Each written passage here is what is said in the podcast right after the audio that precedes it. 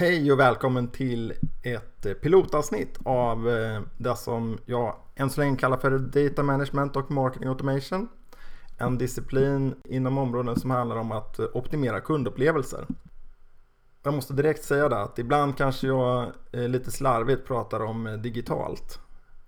Synsättet är egentligen att allt är digitalt. Det finns inget on eller offline. Jag pratar om multichannel eller fler kanaler men egentligen allting går att mäta digitalt. Även besök i fysisk butik eller påskrivna avtal av en återförsäljare hemma vid köksbordet går också att mäta digitalt och använda aktiviteter och information från för att optimera kundupplevelsen i nästa steg. Anledningen till att jag vill testa den här kanalen för att dela med mig av min kunskap är egentligen fler. En av dem är att jag är grymt nyfiken och jag har ägnat väldigt mycket tid kanske till och med lite för mycket tid åt att utforska möjligheter och följa med i vad som händer på marknaden. Jag har faktiskt också i många olika fall haft förmånen att få jobba tillsammans med människor där jag kan få testa nya saker.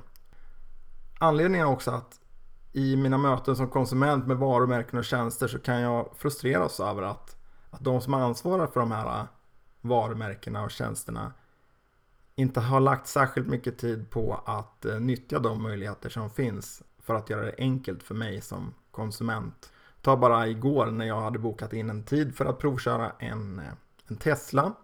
Och tydligen så uppstod det något missförstånd mellan mig och säljaren. Så när jag kom dit enligt eh, mailbekräftelsen klockan 13.00 som jag hade fått så fanns ingen representant där. Bilarna stod snyggt parkerade och jag fortfarande inte en dag efteråt hört någonting ifrån den här säljaren eller representanten som skulle arrangera provkörningen. Jag vet exakt hur de skulle ha kunnat gjort för att det här missförståndet inte skulle uppstå. Med enkla tekniska lösningar som egentligen inte kostar några större pengar att implementera. Det är faktiskt till och med så här idag att tekniken ligger så otroligt långt före beteenden och före så att nästan vad vi än tänker oss så går det att hitta enkla lösningar på det. Problemet och utmaningen är egentligen mer ledarskapet och kulturen inom, inom företag eller varumärken för att man ska eh, ha en tillåtande kultur där man kan få testa de här sakerna. Okej, okay, jag kanske lägger för mycket tid på att utforska nya saker. Det händer så otroligt mycket hela tiden. Om man ska hänga med på allting som händer kanske man behöver lägga två dagar i veckan. Kanske lite för mycket. Jag har kanske lagt lite mer tid. Jag tror att företag och varumärken ofta styrs för mycket av att de har en väl fungerande process som de ska försöka kräma ur så mycket som möjligt ur. Och då, då blir det inte tillåtet att lägga tid och energi på att utveckla de här sakerna. Det är en av anledningarna och kanske huvudsakliga anledningen till att jag vill dela med mig av den kunskap och de insikter som jag har fått och får varje dag. Jag tror också faktiskt att det är lite så här att du som lyssnar på det här kanske är VD, marknadschef eller eh, någon annan beslutsfattare som ska skriva på upphandlingar med byråer eller liknande. Som kanske inte riktigt har koll på vad en DSP är eller vad en DMP är. Vad programmatik är och därför inte riktigt vågar gå vidare med det och utmana leverantörerna på det. Utan det blir ett sätt att skriva sig fri från ansvaret och tänka att men nu har vi köpt in en tjänst. Så därför hoppas jag att jag ska kunna bidra till att du ska känna dig trygg i att det är okej okay att inte veta allting. Man kan hålla på och diskutera om definitioner av olika saker. Vad är egentligen marketing automation? Och vad är data management? Jag ehm, kan absolut inte hävda att jag har hela sanningen och att jag har rätt svar. Men eh, jag har min åsikt och eh, en förklaring till hur jag ser på det. Definitioner har också diskuterats en hel del på LinkedIn och man kan diskutera om det ena hör till det andra eller om det ena står över det andra. Det har egentligen ingen betydelse tycker jag. Det mesta handlar om att optimera kundupplevelsen och ge kunderna, användarna, prospects eller vad man nu vill kalla dem för, en bättre upplevelse. Det finns så otroligt mycket bokstavsförkortningar och namn på olika saker. Och man måste inse att mycket av det här går i varandra. Bakgrunden är egentligen att allting loggas digitalt. Man brukar säga att, eh, att det för Google tar 8 sekunder att hitta igen en användare om man skulle slänga alla sina enheter, gå till affären och skaffa en ny dator, ny padda, ny telefon och tro att man är en ny användare då. Jag vet inte om det stämmer men jag har läst några siffror på där Google säger att det tar 8 sekunder att hitta igen en användare. Det är ganska enkelt att förstå det om man tänker sig att man har ett Gmail-konto. För då registrerar man sannolikt det när man slår på sin nya telefon. Man ska installera den så får man registrera man in sitt Gmail-konto. Men om man skulle gå ett steg längre och säga att nej, men man byter e-postadress och allting sånt också. Då kan man eh, tänka sig att eh, det vanligaste stället som vi män i alla fall läser nyheter och andra sociala medier på. Det kanske är en del av morgonrutinen när man vaknar eller när man går på muggen. Har man då GPS-positioneringen påslagen så kan Google ganska snart konstatera att okej, okay, här har kommit en ny enhet som befinner sig på de här koordinaterna samtidigt som den här personen som hade den här enheten tidigare befann sig på de koordinaterna. Med högsta sannolikhet så är det då samma person som har skaffat ny, nya enheter. Man kan också konstatera att vi som jobbar med marknadsföring, vi låter andra lyssna på data i väldigt många olika sammanhang. De flesta använder säkert Google Analytics och stoppar in ett antal andra funktioner på sin webbplats som sätter en cookie hos användaren och skickar iväg datan någonstans vi inte kanske har en aning om vart den hamnar. Jag brukar ställa frågan om man har läst igenom avtalet som man klickar i när man signar upp för Google Analytics-kontot. Det är inte så många som har gjort det och jag kan säga att jag är inte helt säker men jag tror nog att det krävs ett premiumkonto hos Google för att man ska kunna behålla datan själv och inte låta Google göra det de vill med den. Om man dessutom stoppat in ett antal andra cookies på sin webbplats för medianätverk och annat så kan man vara helt säker på att man inte har en aning om vart datan tar vägen. För ett tag sedan så ägnade jag mig åt att titta på de politiska partierna. Hur de informerade om cookies och vad som hände med datan. Det var i samband med att, man, att det kom en ny lag som sa att man skulle informera besökaren om vart datan tar vägen och man måste inhämta ett aktivt samtycke från besökaren till webbplatsen. Jag tror den lagen kom 2011 om jag inte missminner mig. Det var inte många partier som gjorde det då och jag tror inte ens att alla partier gör det idag. Och jag vet att vid tillfället eh, för något år sedan när jag kollade det här så skickade åtminstone Socialdemokraterna iväg information till amerikanska annonsnätverk om vilka personer som var inne och läste på deras webbplats. Det är inte så att de får reda på exakt vilken person det är. De kan sätta en cookie hos användaren en cookie som har ett ID och då kan de hitta igen den om den personen kommer in på andra webbplatser och vet ungefär vad den här personen är intresserad av och kan putta ut budskap i olika annonsnätverk i förhållande till det. Så det är lite skrämmande att vi låter så många andra lyssna på den data som genereras. Många stoppar ju också in Facebook-knappar eller gilla-knappar och använder då samlingsfunktionen add this för att göra det. Add this ägs sedan en tid tillbaka av Oracle som köpte upp det bolaget. Och de erbjuder möjligheten att lägga en eh, Facebook-knapp på artiklar och så vidare för att man ska kunna dela den artikeln i sociala nätverk. Och det är en gratis funktion. Men det man inte tänker på är att Alice får reda på exakt vem som är inne och läser den artikeln. De vet vem som är inne och tittar på leasingavtal eller funktionsbeskrivningar för till exempel en Golf just nu.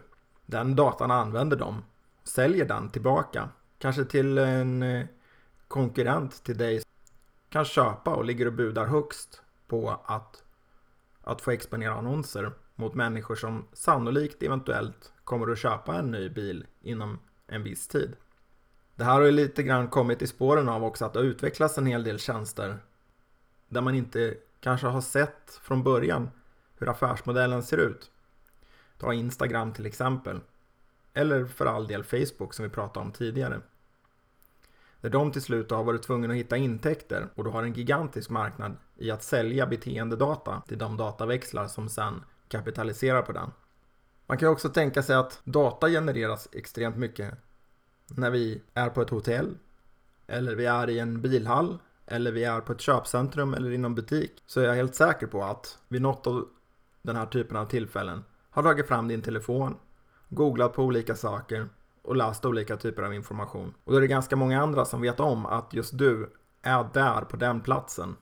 Det finns en hel del av det här som kan kännas extremt komplext och svårt att greppa. Och en del brukar säga till mig att jag ska göra det enkelt. Men vi måste acceptera att det är ganska komplext. Det är nog bara att acceptera det och försöka förhålla sig till det. Och kanske inte bara låta Google få reda på vem som är inne i din bilhall och läser bilspecifikationen på telefon. Utan det kan ju faktiskt du ta reda på själv också. Du behöver inte fråga den personen. Om det nu är någon som är inne i bilhandeln längre. Folk som har sin bil på service. När de har lämnat den eller när de kommer och ska hämta den så gör de sannolikt någonting med telefon. Elgiganten har varit en föregångare inom det här och gjort det på ett extremt enkelt sätt. De erbjuder kunden ett kvitto som man kan få via mail. Köper man en TV eller en telefon eller något annat på Elgiganten så frågar den som står i kassan. Vill du ha kvittot på mail så är det enklare för dig att hitta garantin om det är så att någonting skulle hända eller vara fel på varan.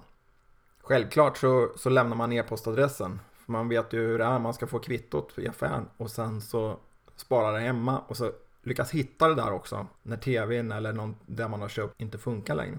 Jag vet inte hur Elgiganten gör om de spårar det här, men ganska enkelt skulle det gå att stoppa in ett spårningsskript. Jag är helt säker på att Google ser ju att jag har öppnat kvittot när jag köpt en ny TV. Då vet de att jag har köpt en ny TV. Allting går att spåra och det här går jag jättegärna in på i det särskilda avsnittet som handlar om hur vi på ett enkelt sätt kan logga användarnas beteende. Vi kan faktiskt också trycka upp det till till exempel Google Analytics och lägga till en, ett värde på användarna där i utifrån ett affärssystem som innebär att de här personerna har köpt i vår fysiska butik eller signat avtal via våra återförsäljare.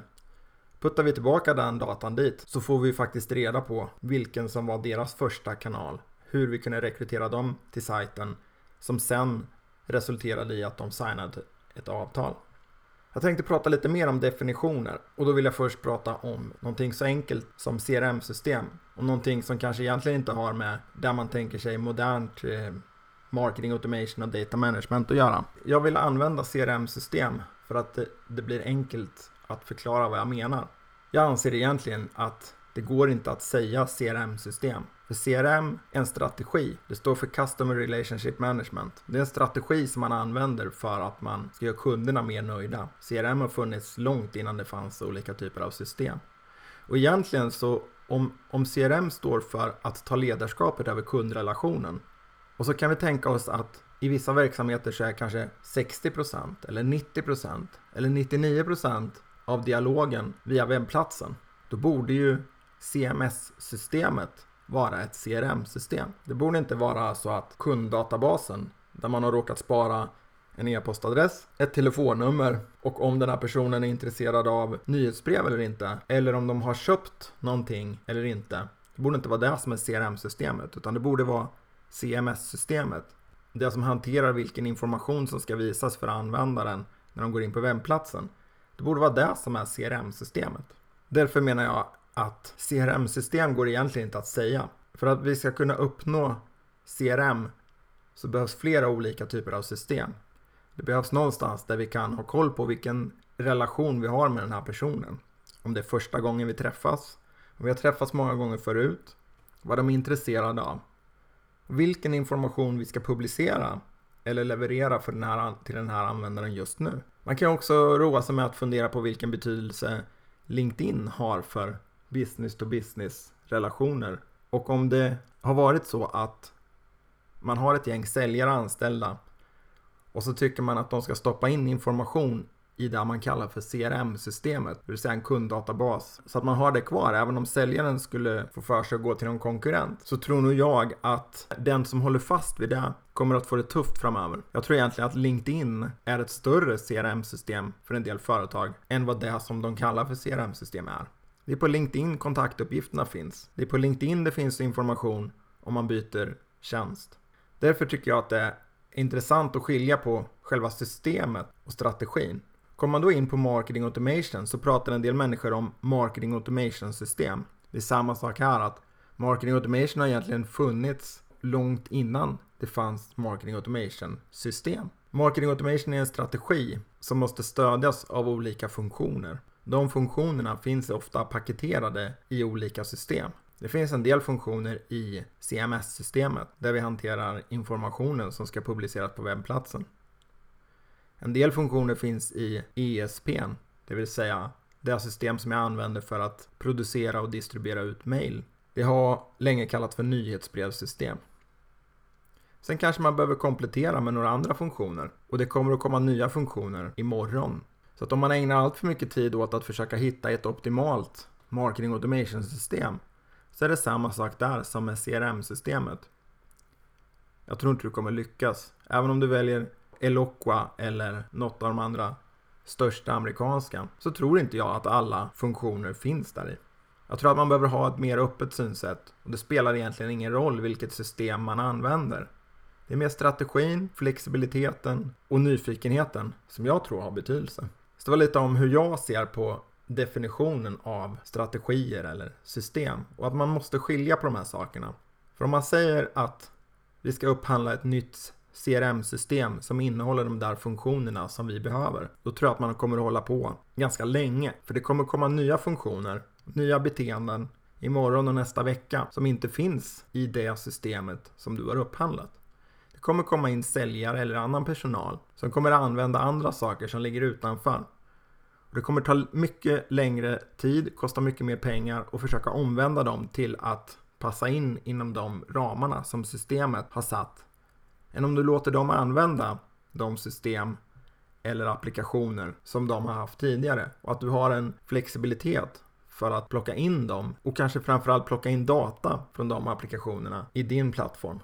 Då har vi kommit fram till den del som handlar om exempel och lite grann vad är det som behövs då för att kunna jobba med data management och marketing automation.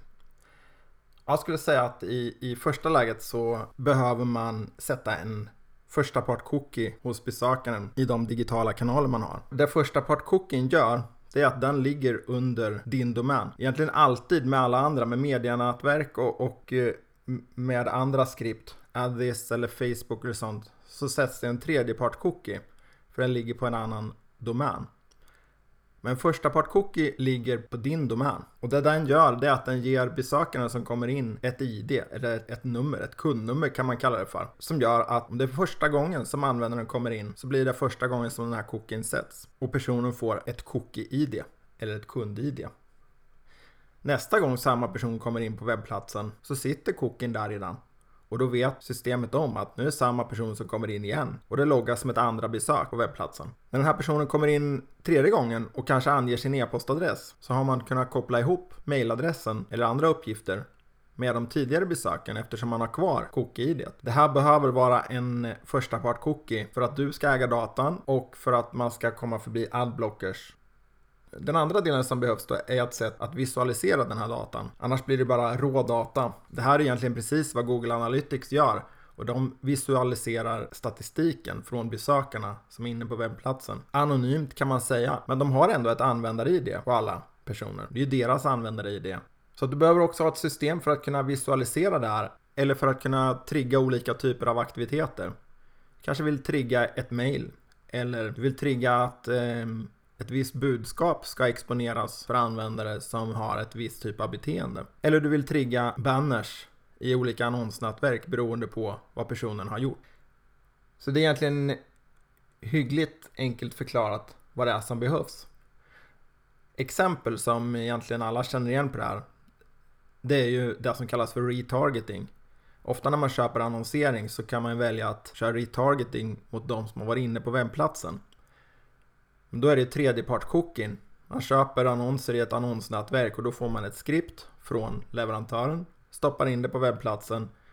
När kunder har varit inne på din webbplats så exponeras annonser för den personen. Använder man en DMP, en egen DMP, så kan man ju koppla ihop det här över alla olika kanaler.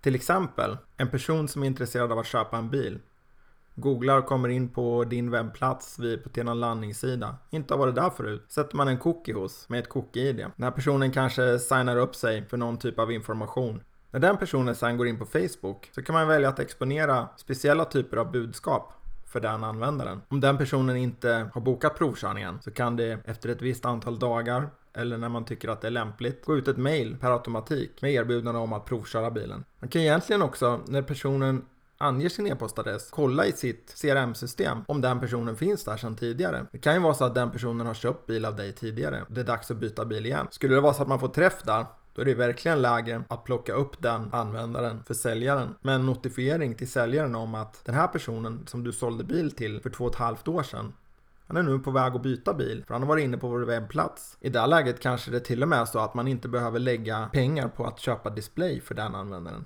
Det kanske räcker med att det kommer ett personifierat eller triggas ett mail som ser ut som det är ett manuellt mail från säljaren som bjuder in till att komma och provköra bil samtidigt som man gör en överblick av den bil. Det här är ingenting som är jätteavancerat rent tekniskt. Det är faktiskt mycket mer komplicerat eller avancerat och förändra beteendet hos människorna än att lösa det här rent tekniskt. Om det är så att personen som kommer in på webbplatsen anger sitt telefonnummer av någon anledning. Då går det faktiskt till och med att kolla upp ganska enkelt vad den här det här personen var det har för som jag hade och vilken finansiell kapacitet hur troligt det är att den personen kommer att köpa skulle jättegärna vilja ha feedback av dig. Skicka ett mail eller skriv en kommentar på LinkedIn eller liknande så ska vi snart sätta igång med produktion av den riktiga delen. För det här var pilotavsnittet av Data Management och Marketing Automation av mig, Niklas Gustafsson. Tack och hej!